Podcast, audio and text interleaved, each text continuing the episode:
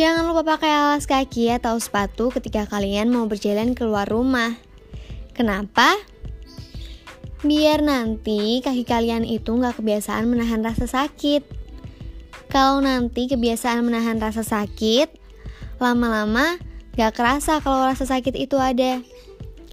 Nah, di sini teman perjalananmu bakalan nemenin kalian buat jalani lika-liku kehidupan entah itu bahagia, sedih, kecewa, yang mungkin terlihat berat dihadapin. Tapi sebenarnya nggak seberat itu kok. Yuk kita lewatin bareng-bareng bersama teman perjalananmu. Makasih ya udah berdengerin.